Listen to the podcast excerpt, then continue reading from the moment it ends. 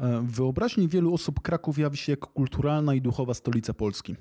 Miasto może pochwalić się wielkimi polskimi noblistami, Czesławem Miłoszem i Wisławą Szymborską.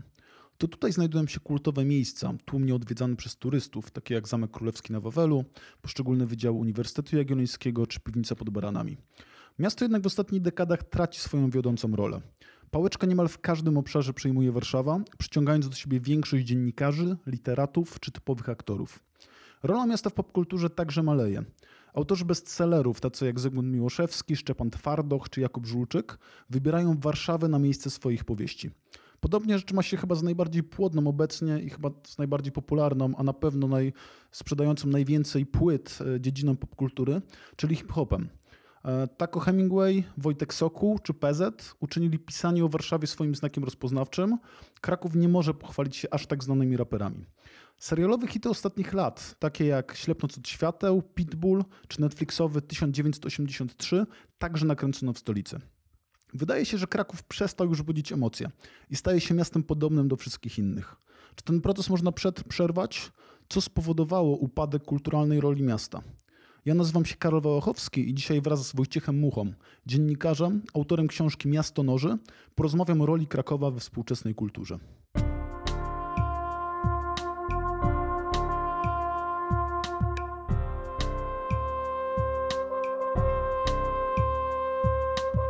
Krakowskie Gadanie. Podcast Klubu Jagiellońskiego Kraków. Kraków przestaje budzić emocje, a Warszawa wysysa kulturalne soki naszego miasta. Rynek główny został zawłaszczony przez turystów i nie wytwarza już warunków do odtwarzania kulturalnej tkanki miasta. Czy zgadzasz się z tą tezą? Dzień dobry przede wszystkim, Wojtek Mucha, kłaniam się. Czy się zgadzam, że wysysa Warszawa, czy się zgadzam, że Warszawa wysysa y, soki? No wysysa, jest całej Polski.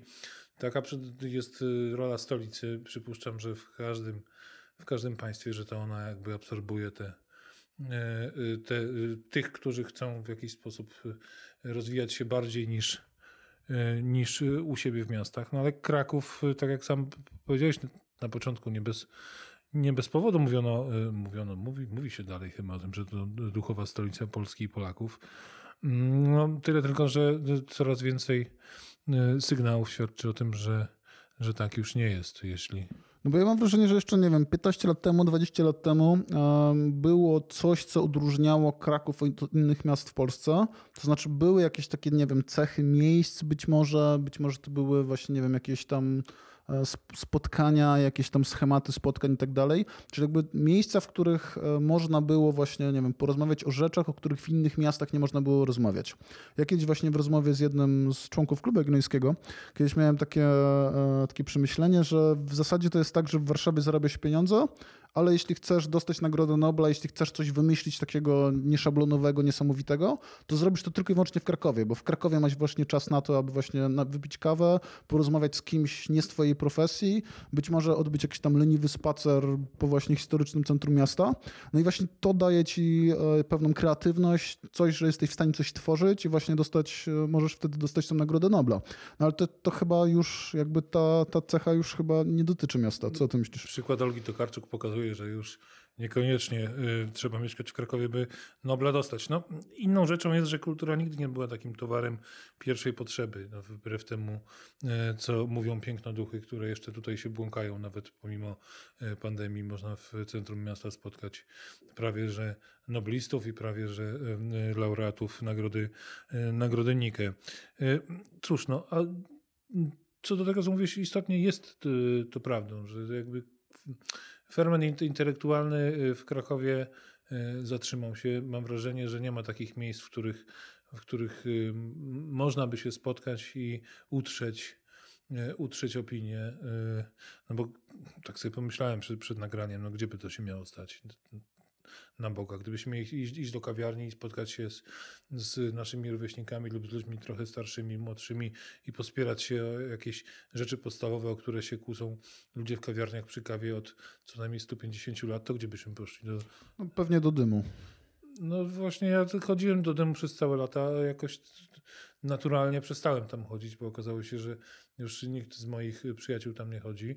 No, przyszedł mi do głowy kafe bunkier, no ale to być może, no, no, no bo gdzie indziej, no przecież, przecież yy, tych miejsc, które, e, które w jakiś sposób gromadziły, gromadziły ludzi jest coraz mniej. No, wszystko zostało albo zamienione w hotele, albo w, w sklepy, już nie będziemy wymieniać nazw, ale te, te sieci są dwie, które, które absorbują prawda, e, e, przestrzeń w taki sposób, że wychodząc z, jedne, z jednego widzi się drugi sklep tej samej sieci prawda, na wyciągnięcie ręki.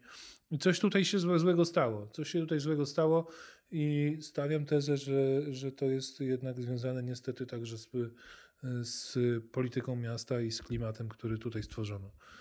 14 milionów turystów, 30 tysięcy mieszkańców max w Starym Mieście. Mm, ludzie, którzy nie przyjeżdżają do centrum miasta, bo nie mają tutaj czego szukać, no bo nie chcą się przedzierać przez tłumy, które są na Szewskiej Grodzkiej. Jeszcze przed chwilą były, no teraz, teraz jest pusto z wiadomych przyczyn, ale tłumy, które jeszcze przed chwilą przemierzały e, Szewską Grodzką i, i, i kręciły się w, w koło rynku jak, jak prawda, e, bąk taki z, z jarmarku, no przestało to być stymulujące intelektualnie w jakikolwiek sposób.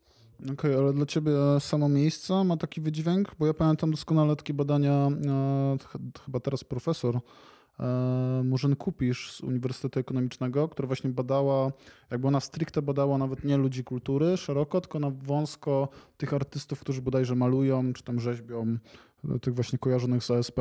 No i z jej badań wynikało, że te osoby, jakby one jeszcze 10-15 lat temu jeszcze miały swoje pracownie wewnątrz pierwszej dzielnicy, gdzieś tam na Kazimierzu, czy nawet jeszcze na rynku, więc jakby naturalnie, nie wiem, jedli w tych samych miejscach, pili kawę w tych samych miejscach z innymi ludźmi, no jakby i to tworzyło tą właśnie bohemę, ten jakiś taki kulturalny, właśnie artystyczny wydźwięk miasta. A według jej badań, przez to, że właśnie zwiększył się ruch turystyczny w Krakowie, to nagle te usługi były bardziej podpłacalne pod turystów, aniżeli pod często biednych ludzi kultury. No i ci biedni ludzie z kultury zostali po prostu realnie wypchnięci. No i tam według jej badań duża część w ogóle przeprowadziła się do Katowic, gdzie Katowice właśnie mają masę pustych przestrzeni, które są bardzo tanie, bardzo tanie, tam można zrobić swoją pracownię, jakąś tam galerię i tak dalej, i tak dalej. No albo właśnie do jakichś tam obrzeży e, Krakowa, tyle, że już jakby te obrzeże Krakowa, one też bardzo często nie mają miejsc, w których się można spotykać, no i jakby tam dużo trudniej się spotkać z kimś, kto właśnie, nie wiem, jedna osoba mieszka na Krowodrze, druga na Hucie, jakby to, to, to, robi się bardzo trudno. Więc czy dla ciebie to jest tylko i wyłącznie jakby spowodowane mie miejscem i turystami, czy jeszcze jakieś Mam wrażenie, że do, do tego zaraz dojdziemy, bo to o czym mówisz jest bardzo ciekawe, czyli to, że poza centrum miasta nie ma, nie ma gdzie się spotkać. I tutaj będziemy musieli, drodzy nasi słuchacze z Krakowa, e, znowu posiłkować się e, tą nieszczęśliwą Warszawą, bo tam to wygląda trochę inaczej. Ale nim do tego przejdziemy, to chciałbym się z tą podzielić taką, z wami taką, taką refleksją. E, napisałem książkę Miasto Noży i ona się dzieje w Krakowie w roku 97. Czyli to są te słynne 90 które, na które teraz jest, jest jakby hype i, i, i wszyscy wspominamy z łezką wokół ci, którzy przeży, przeżyli, pamiętają, no to tam, prawda, Brawo albo Dance lat 90., czy, czy Flayersy, czy Modest z, z, tamtych, z tamtych czasów. Wspominamy ten klimat, który, który był. Ci, którzy nie pamiętają, no to jakby też chcą to zaabsorbować, więc, więc wybierają sobie z tej, z tej, z tej pamięci to co, im, to, co im odpowiada. I zastanowiłem się, czy gdybym miał napisać książkę, która się dzieje w Krakowie teraz, to jakby, czy tutaj jest jakaś przestrzeń, którą, która by mnie zastymulowała intelektualnie? No bo to, to, tak na dobrą sprawę, to co bym miał napisać? Kryminał o zabójstwie we Frantiku, nie wiem, romans, który się rozpoczął w, w nie wiem, w Rdzy czy, czy, czy gdzieś, czy nie wiem, czy, czy, czy, czy co tutaj się, co tutaj się dzieje. No jakby... Wojny biurowe chyba wbipiją najbardziej. A, albo na przykład no, jakieś, prawda, komedię y, romantyczną, która się dzieje wiesz, w którymś z wieżowców tych, tych nie, nieszczęsnych korporacji. Dlaczego nieszczęsnych, o, tych, o, tym też zaraz powiem. Ale no właśnie, tutaj, tutaj, jest, tutaj jest problem, bo hegemonia tego, tej turysty, turystyzacji sprawia, że prawda, wpada się w, w coś, co jest opisane jako błędne koło, błędne koło turystyki. Im więcej jest turystów, tym więcej jest e, miejsc specjalnie pod turystów. I, Im więcej jest tych miejsc pod turystów, tym jeszcze więcej turystów przyjeżdża. I jakby absorbuje się już nie tylko to centrum, które jest prawda, centrum dziedzictwa kulturowego, czyli mowa tutaj o Starym Mieście, rynku tam plus Kazimierzu. Inna rzecz, że, policzyłem to obszar, po którym to 14 milionów turystów się, e, się porusza, no bo ci ludzie generalnie jak przyjeżdżają, to się krążą wokół rynku i e, Wawelu, ewentualnie Kazimierza. E, ten obszar rynku i Wawelu jest niewiele większy od obszaru, na którym się znajduje w Warszawie Pałac Kultury i Złote Tarasy. Teraz sobie wyobraźmy, że tam chodzi rocznie 14 milionów ludzi. No i to jest przecież jakiś absurd. No. Jakby tu chłonność turystyczna jest już, y, mam wrażenie, dawno przekroczona, tylko miasto robi dobrą minę do złej gry. Ale z racji tego, że ta chłonność jest y, przekroczona, to y, baza, która jest zlokalizowana w centrum, nie jest w stanie tego obsłużyć. Tak? Nie ma tylu miejsc, żeby ci ludzie wszyscy mogli się położyć spać i rano wstać i iść na śniadanie kontynentalne, potem się poplątać, pojechać do dwóch takich, takich księżyców, które są wokół Krakowa, czyli do Auschwitz i, i do Wilczki, wrócić i potem iść na dyskotekę i nie ma tylu miejsc. Więc oni ab, absorbują kolejne, e, kolejne dzielnice w, w, w, już nie w pierwszej, tylko w drugiej obwodnicy. Tej, prawda, tam do Alej z jednej strony i no to, tutaj... No, ja mam doświadczenia ze Starego Podgórza, bo tam właśnie prowadzę firmę. No to już w zasadzie na Starym Podgórzu, gdzie jeszcze powiedzmy 4 lata temu tam można byłoby poczuć się naprawdę mieszkańcem i można było właśnie, nie wiem, zjeść tani obiad i mieć swojego szewca i tak dalej, i tak dalej. Tak tam te osoby zostają wypychane, już jakby ulica po ulicy widzimy ten proces gentryfikacji, widzimy to, że po prostu jakby nagle tam, gdzie ja teraz prowadzę firmę, jeszcze niedawno właśnie były jakieś takie odzież raczej dla lokalsów i raczej jakieś takie miejsce dla lokalsów. Teraz już po prostu mamy obok siebie restaurację, która jest taka jak wszędzie indziej na świecie. Nie? No właśnie, ja, ja, ja, ja, się, ja się tego trochę ze swojej perspektywy nie boję, bo ja pochodzę z 30-lecia, czyli z dawnego 30-lecia, czyli z Krowodrza Górka. Tam raczej nie sądzę, by, by było to kiedykolwiek miejsce atrakcyjne turystycznie. No ale to też nie jest miejsce atrakcyjne w żaden inny sposób, bo tam nie, nie, nie mamy poza naszą drewutnią, która już istnieje 20 lat, żadnego miejsca, które, w którym można by prawda, pójść i zjeść obiad. Otwierają się czasem takie prawda, snowflake'i, które po chwili gasną, bo nikt tam nie przychodzi, bo nie ma takiej, takiej potrzeby. Tak? Ludzie, którzy, którzy mogliby przyjść, to, to idą, idą do rynku jeszcze, a nie ma takiej takiego klimatu wśród, wśród mieszkańców, który sprawiałby, że oni się prawda, poruszają po takich miejscach. I tutaj dochodzę do tej pewnie postrzeganej jako nieszczęsna, nieszczęsna Warszawy. Dlaczego porównuję? Bo Warszawa jest dużo większym miastem od Krakowa, nie ma co się, co się łudzić i potrafiła sobie wygenerować coś, co ja nazywam alternatywnymi centrami. Z racji tego, że trudno jest wskazać centrum, centrum Warszawy, no bo dla jednych to będzie prawda, plac defilat tam z Pałacem Kultury, dla kogoś będzie to Nowy Świat i krakowskie przedmieście, dla kogoś jeszcze być może to będzie rynek, rynek Starego Miasta. Trudno jest wskazać, tak? I to spowodowało, że mieszkańcy z racji tej rozległości sobie generują takie centra w swoich dzielnicach. Przykładem może być Mokotów, może być, może być Żoliborz, może być też Saska Kępa, gdzie tam prawda spędzają sobie czas. I teraz jak popatrzymy na Kraków, to generalnie wszystkie dzielnice, które są E, starsze niż, niż 100 lat, mają swoje rynki. Mamy rynek Dębnicki, mamy rynek, e, rynek podgórski. E, wyjątkiem jest Krowodrza, który takiego rynku nie ma. No tam przy Biprostalo teoretycznie. Dobrze, dobrze. Właśnie do tego dąży. I z racji tego, że jestem jakoś związany z, z Krowodrzą razem z Grzeszkiem Krzywakiem, mieliśmy taki pomysł, żeby stymulować powstanie rynku krowoderskiego. Okazało się, że są chętni, którzy by zawiadują tym terenem, którzy by go oddali tam, gdzie jest parking przed dawnym Peweksem. No ale że nie ma klimatu w mieście, że miasto to jest niepotrzebne.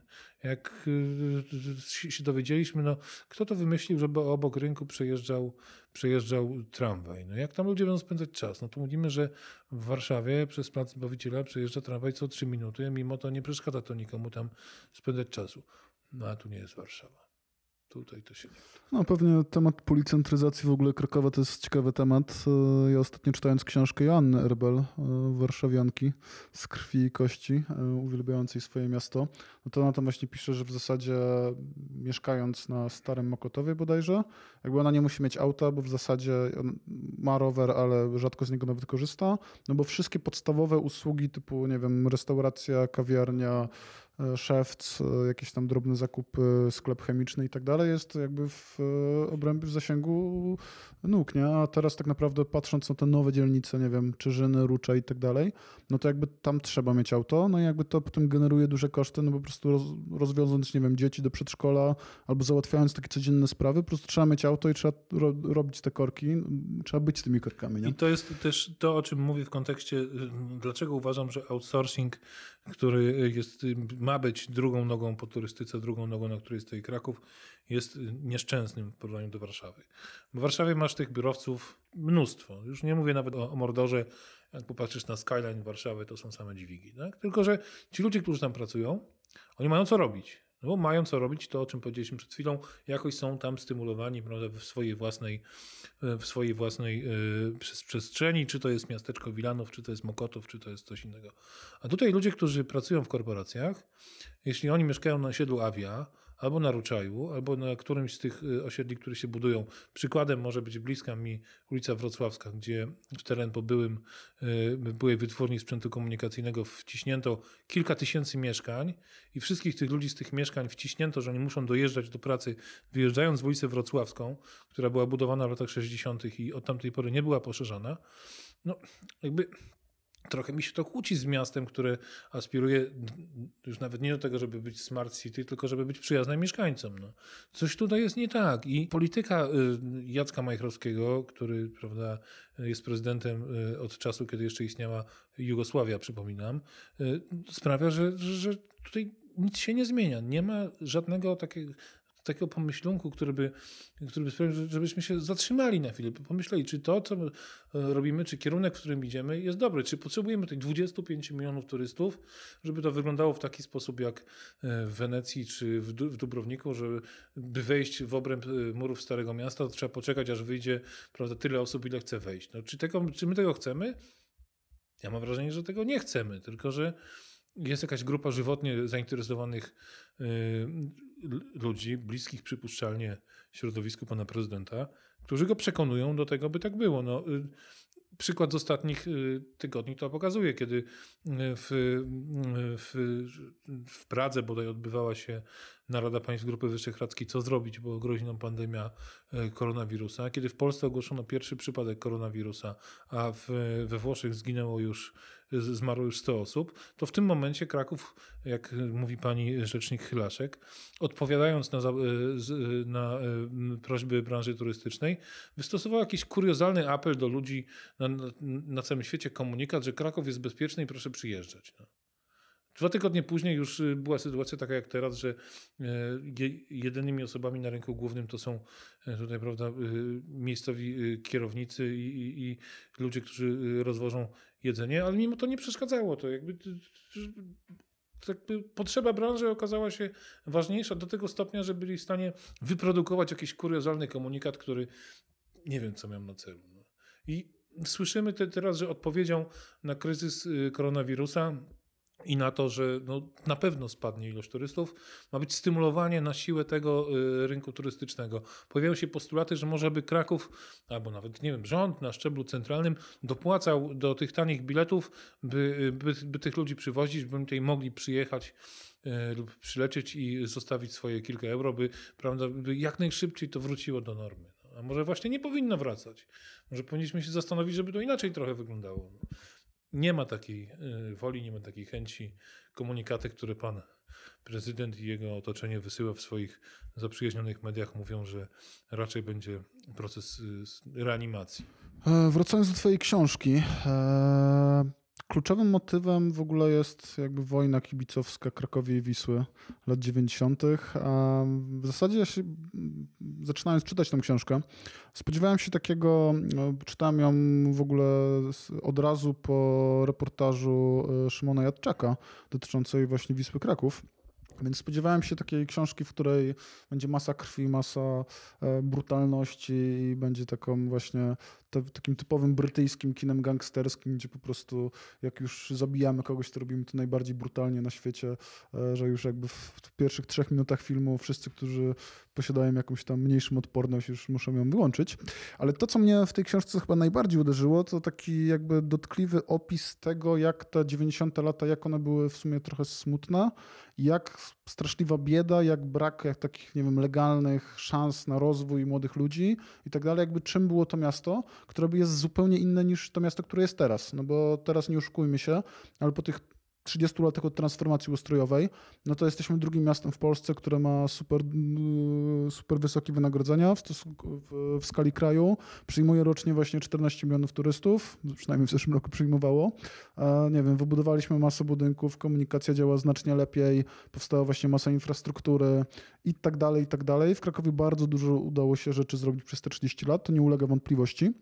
E, no ale czy, czy z Twojej perspektywy, już tutaj nie chcę wchodzić e, głęboko w książkę, w książkę tutaj zostawię e, tutaj słuchaczom do, do przeczytania, do czego mocno zachęcam, no ale czy według Ciebie, czy są jakieś obszary tamtego Krakowa, który jeszcze pamiętasz właśnie, nie wiem, z lat młodzieńczych, dorastania i tak dalej, do którego dzisiaj tęskno, że uważasz właśnie, że Kraków dzisiaj jest gorszy w danych obszarach niż był wtedy? Wiesz, zacznę od tego, że muszę, muszę tego powiedzieć, że z tymi zarobkami to tak y, do końca nie jest, że są one strasznie wysokie. Y, zarobki w, w sektorze turystycznym i około turystycznym w porównaniu z ze średnimi są o kilkadziesiąt procent niższe i z danych, które, które pokazuje miasto, wynika, że nasi kelnerzy, nasi tutaj ludzie, którzy obsługują ruch turystyczny, turystyczny zarabiają średnio mniej niż w Bydgoszczy na przykład, niż w Poznaniu.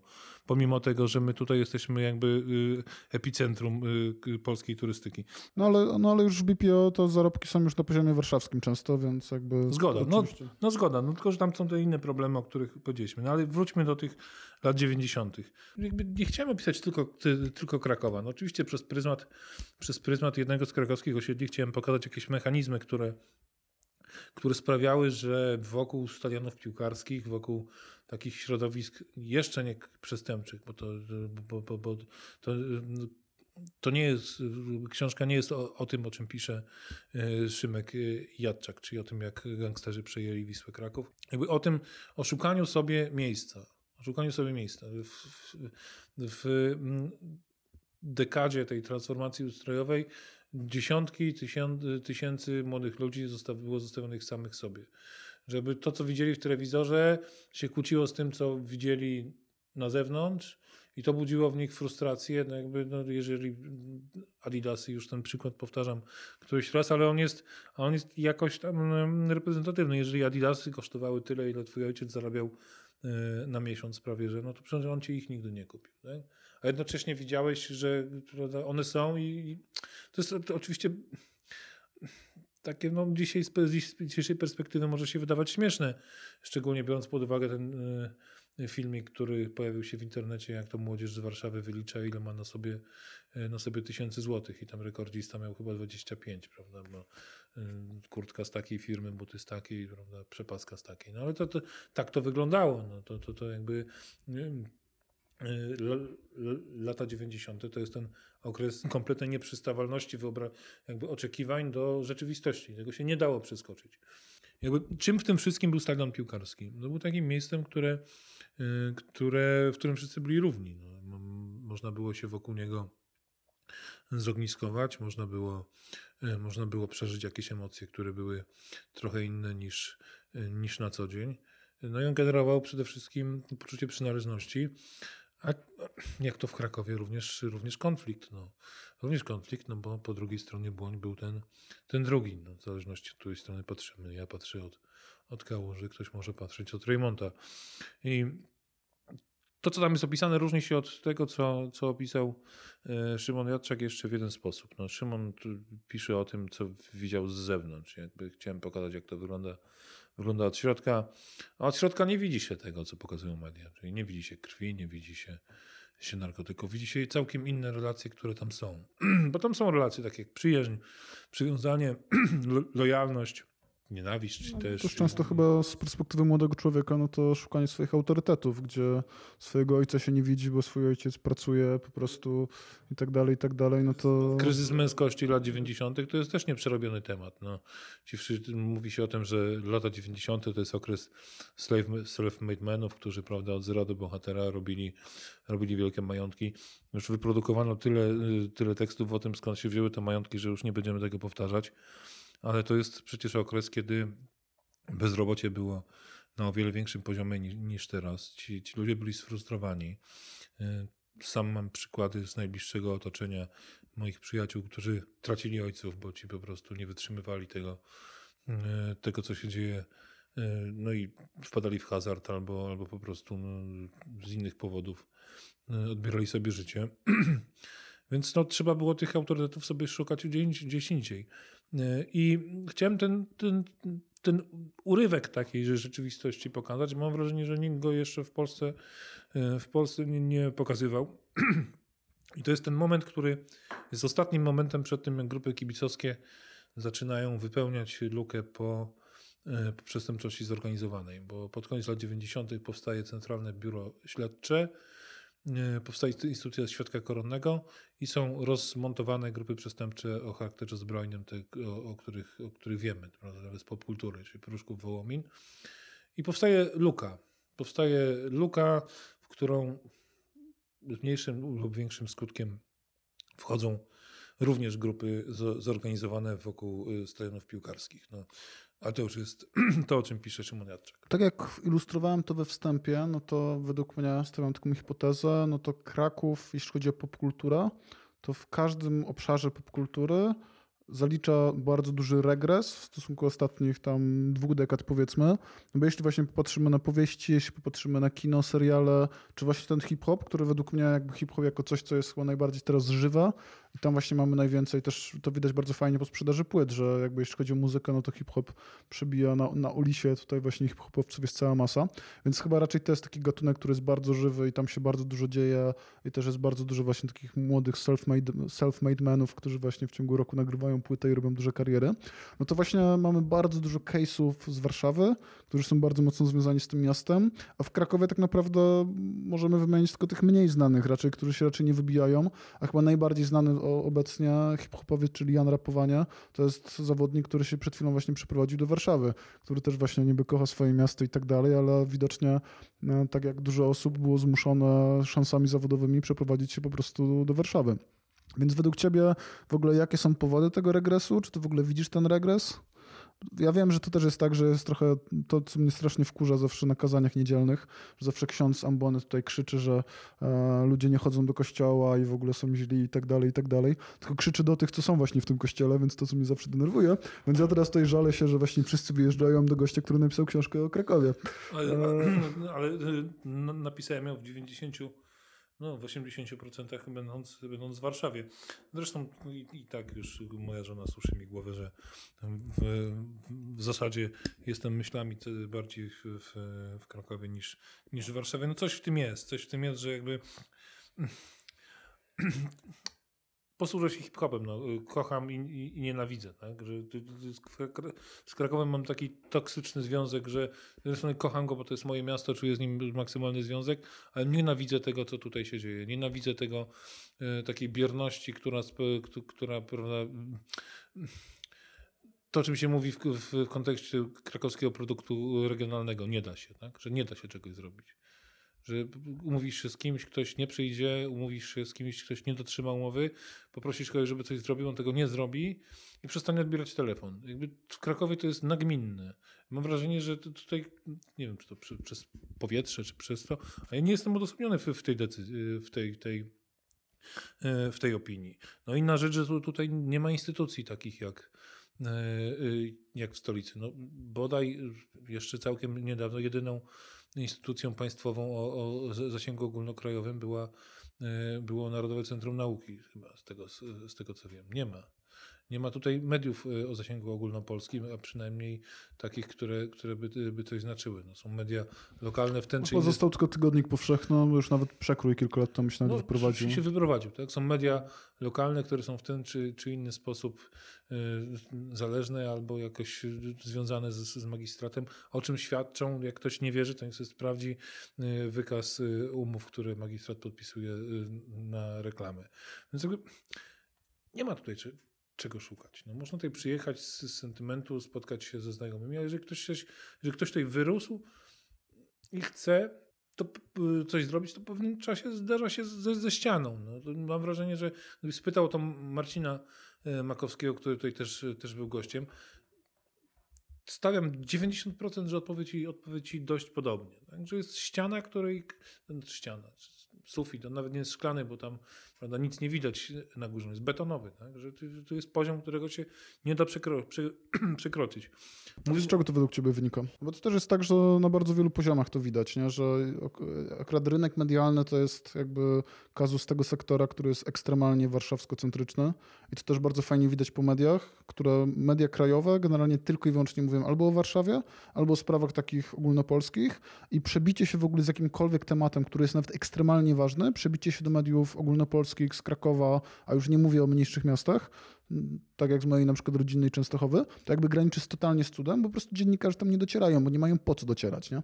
Więc też z perspektywy nawet polityków, no to ja, ja nie dziwię się, że niektóre ugrupowania tracą jakby kontakt z rzeczywistością i stają właśnie, żyją tylko i wyłącznie problemami Warszawy, jakby nie widzą tego, co się dzieje e, gdzieś, tam, gdzieś tam dalej w Polsce. Więc według ciebie jakby z czego wynika ten sufit? Trudne jest to pytanie, bo mam wrażenie, że to się nie zaczęło wczoraj, że tutaj jakby yy, polityka niezrównoważonego y, rozwoju, która była przyjęta w latach y, 90. już pewnie i która nie została zahamowana. Y, Polityka tych lokomotyw, które mają ciągnąć całą resztę, no też jakoś wpłynęła na, na, na, na, y, na Kraków. Były, ileż razy słyszeliśmy, że mają przenosić do, do, Krakowa poszczególne instytu- instytucje, żeby tutaj zastymulować pewne rzeczy. Tak? Czy żeby przenieść, nie wiem, ministerstwo e, e, jedno czy drugie do Poznania, żeby tam prawda, uruchomić też to w jakiś sposób. No co słyszeliśmy w Krakowie, co słyszeliśmy, ten nieformalny hymn naszego miasta, nie przenoście nam stolicy do Krakowa. No. No, oczywiście bardzo to ładnie brzmi, tylko że takie podejście, że u nas wszystko jest, prawda, langsam, powolutku, żyjemy sobie tutaj, prawda, oddychamy sobie i wiosną wiersze y, rodzą się najlepsze i, prawda, księżyc nosimy w butonierce. To jest oczywiście bardzo piękne, tylko że y, młodzi ludzie, którzy tutaj studiują i nie chcą pracować w korporacji, nie chcą pracować w obsłudze ruchu, ruchu turystycznego, dochodzą do wniosku, że owszem, tu się bardzo przyjemnie studiuje, ale jakbym chciał żyć, to muszę żyć gdzieś indziej. I spadam. To jest, to jest ciekawe, bo ja też generalnie już w którejś audycji jakby narzekamy na politykę miejską prezydenta Majchrowskiego i narzekamy na to, co się dzieje samorządowo, ale mi też się wydaje, że na poziomie krajowym jakby ci, ci ludzie, którzy są posłami, senatorami z Krakowa, ministrami z Krakowa, albo są jakby ważnymi ludźmi podejmującymi ogólnokrajowe decyzje w Warszawie, jakby, że oni trochę jakby nie troszczą się o swoje miasto, to znaczy jakby jest x tematów, które można było załatwić, na przykład, nie wiem, podatek turystyczny jest takim najbardziej czymś organoleptycznym, to znaczy jakby Kraków jest pierwszym miastem w Polsce, który ma problem z turystami. Jakby do dzisiaj Kraków bardzo chętnie nałożyłby podatek turystyczny w każdym mieście sensownym na świecie, w zasadzie turystycznym i czerpał jakby zysk, więcej zysków z tych, z tych turystu, z, z turystów, z ruchu turystycznego. Tak żaden z polityków ogólnokrajowych nie jest w stanie, mówiąc trywialnie, dowieść tego tematu, wziąć go na sztandary, choć wydaje mi się, że to jest taki temat, który nie, prawdopodobnie nie polaryzowałby sceny politycznej. Prawdopodobnie raczej chyba wszystkie partie by się zgodziły, że to jest jakby sensowne rozwiązanie, no bo tak to działa na całym świecie. No ale mam wrażenie, że tylko politycy ogólnokrajowi tylko i wyłącznie na czas wyborów tutaj przyjeżdżają, jakby tylko i wyłącznie na czas wyborów sobie przypominają po prostu jakby skąd startują, więc... Może to jest tak, że, że jakby wiedząc o tym, że, że w taki sposób miasto funkcjonuje, y, to nie chcą się po prostu spalać. No, jeśli po raz kolejny się wybiera na prezydenta pana, pana profesora Majchrowskiego, no to coś tutaj, coś świadczy o tym, że to chyba się, się ludziom podoba, tak? Że skoro go wybierają, to znaczy, że, z, z, to znaczy, że jest wszystko okej. Dla, dlaczego nie wybrano Krzyśka Mazura albo, nie wiem, Łukasza Gibały? Albo Małgorzaty Wasserman. Bo są za młodzi, bo są niedoświadczeni, bo nie mają brody, okularów i nie tytułu profesora Uniwersytetu Jagiellońskiego. No takie są odpowiedzi. No. Bo zaraz tutaj będzie jakaś rewolucja, my nie chcemy rewolucji. No jak nie chcemy rewolucji, to mamy ewolucję pół miliona turystów rocznie więcej. No. I no, taka jest chyba odpowiedź. Okej, okay, bardzo, bardzo płynnie tutaj przechodzimy do następnego wątku, czyli do wątku toż, tożsamości w ogóle. No bo tutaj przedstawiasz tą tożsamość lokalną jako tych, którzy właśnie potrafią się spóźnić e, i nie mają nic przeciwko, raczej są tacy konserwatywni, ale w takim jakby złym znaczeniu, to znaczy takim, że boimy się zmian, jakby nie chcemy, chcemy jakby status quo cały czas pielęgnować. Ja mam takie doświadczenia, nie, nie jestem z Krakowa, e, przyjechałem tutaj na studia i mam takie doświadczenia, że na początku funkcjonując w tym mieście miałem takie poczucie, że jako 19-latek muszę założyć tutaj marynarkę, fajnie było mieć fular, bo to oznaczało, że jakby jestem, czuję się tutaj u siebie. Dopiero jakby wiele lat potrzebowałem, żeby przepracować w sobie jakby tę moją tożsamość, mieć poczucie, że kurczę, jakby ja tutaj ciężko pracujący i próbujący, próbujący stworzyć swoją pozycję tutaj w tym mieście, chyba daje więcej niż właśnie ci ludzie, którzy tam piją kawę palą fajkę, jakby nic więcej nie robią w życiu, bo nie wiem, bo są właścicielami jakiejś tam części kamienicy, jakby są po prostu rentierami. No więc jakby e, wątek, który chciałbym poruszyć z tobą, to jest to, jakby czym dla ciebie współcześnie jest krakowskość w ogóle. Jaka jest tożsamość tego miasta? No bo jak wskazują zeszłoroczne badania, barometr krakowski, no to 50%, ponad 50% mieszkańców Krakowa nie urodziło się w Krakowie co oznacza, że już przynajmniej połowa ludzi jakby jest przyjezdna, to jest ludność napływowa, więc prawdopodobnie ta tożsamość, która, nie wiem, mogła być jeszcze tutaj 100 lat temu, jakby ona już jest bardzo mocno rozwodniona. No i już jakby ten taki krakowski inteligent, czyli taki standardowy, e, standardowy krakus, to już nie jest osoba, która ma właśnie rodziców profesorów, meble, które przekazuje z pokolenia na pokolenie i posiada oczywiście kryptę na cmentarzu rakowickim, którą bardzo mocno pielęgnuje. Tylko jakby ta tożsamość musiała w jakiś sposób zmienić się, nie wiem, czy na lepsze, czy na gorsze. Jak według ciebie jest ta tożsamość dzisiaj? Znaczy wiesz, no, jest coś w tym, że Kraków y, generalnie od zawsze y, ten duch, który tutaj był, tworzyli nie tylko mieszkańcy, którzy się tutaj urodzili, ale też ci, którzy przyjeżdżali, no Czesław Miłosz, czy, y, czy Karol Wojtyła. To I Jacek Majchrowski. Czy Jacek Majchrowski. To są wybitni mieszkańcy Krakowa,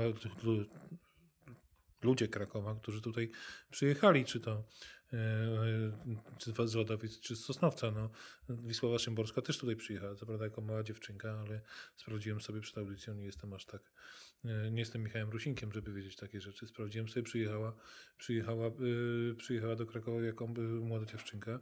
Ja nie wiem, czy jest jakiś taki zestaw cech, które by konstytuowały Krakusa. No, satyryk Krzysztof Piasecki powiedział, że w Krakowie trzeba 300 lat mieszkać, żeby, żeby być, żeby być prawdziwym, prawdziwym Krakusem. No, coś w tym może jest, no ale myślę, że no, ja bym tak chciał, żeby to było poczucie odpowiedzialności e, za miasto, jakaś e, próba zastanowienia się, czym to e, miasto ma być i w jaki sposób ma, ma się rozwijać, no bo mam wrażenie, że ci, którzy mówią, że powinno to trwać w takiej właśnie skorupie, prawda, w szkatułce takiej niewinnych pamiątek, prawda, którą sobie odkurzamy, że tu Wyspiański, tutaj, prawda, dama z Łasiczką, tak, tak, to jednocześnie ci sami ludzie, którym nie przeszkadza to, że tu przyjeżdża 15 milionów obcych ludzi i którzy prawda, zadeptują to dziedzictwo, którego oni się mienią strażnikami. I i tu jest chyba problem, tak? że jakby oderwała się ta, e, ta, ta, ta elita Krakowa od, e, od swoich problemów. Dlaczego? Bo są to, to, o czym już mówiłem, żywotnie zainteresowani tym, żeby to w taki sposób funkcjonowało. A ci, którzy mieszkają na Roczaju, czy, czy, czy, czy na tym osiedlu Awia nieszczęsnym, które znowu przywołuję, czy, czy u mnie na Krowodrzy, którzy są napływowymi, czy oni by mieszkali w, w Krakowie, czy by mieszkali w, Sosnowcu, tam gdzie e, pan Jacek Majrowski się wychował, prezydent, profesor, czy, czy we Wrocławiu. Myślę, że było im, byłoby im to bez różnicy.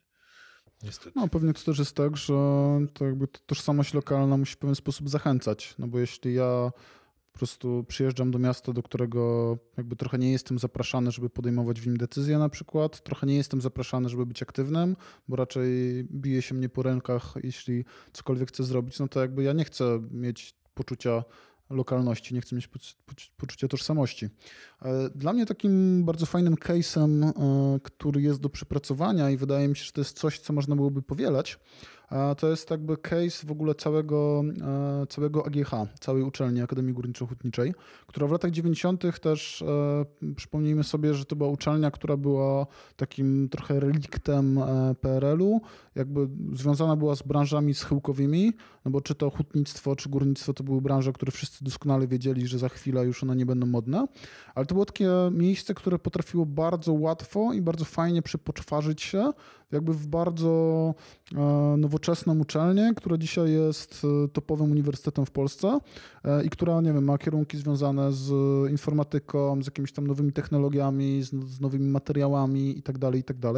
No i jakby jest pewien taki etos tej uczelni, który jest związany z tym, że być może jeśli chcesz pracować stricte z biznesem, to być może będzie ci trochę lepiej w Warszawie, choć w Krakowie też ci będzie dobrze, ale jeśli ty chcesz robić taką poważną naukę, jeśli coś chcesz dawać światu, no to raczej bądź u nas, bądź na Agiechu.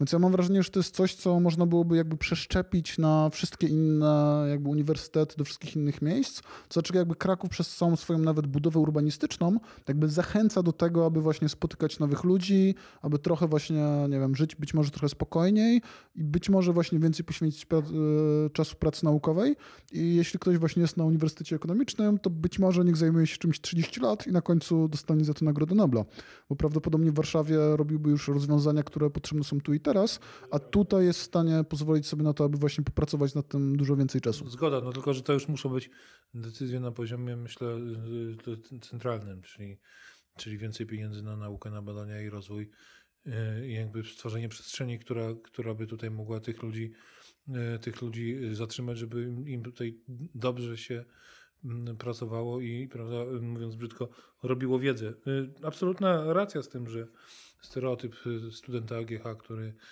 y, pije piwo w koszulce, y, pije piwo, z takim napisem, to już odszedł do lamusa. To rzeczywiście, rzeczywiście jest- już elita intelektualna najwyższej próby. No podobnie zresztą ludzie z uni- Uniwersytetu Jagiellońskiego. No tylko tyle, że no, muszą mieć muszą mieć przestrzeń. Dziękujemy bardzo. E, To chyba był ostatni wątek naszej rozmowy. E, Słuchaliście Państwo audycji Krakowskie Gadanie prowadzonej przez e, Klub Jagielloński w Krakowie. Zachęcamy do obserwowania nas na Twitterze, czy do dołączenia na, do naszej grupy na, na Facebooku i do śledzenia wszystkich naszych innych odcinków naszej audycji. Dziękuję bardzo. Dziękuję.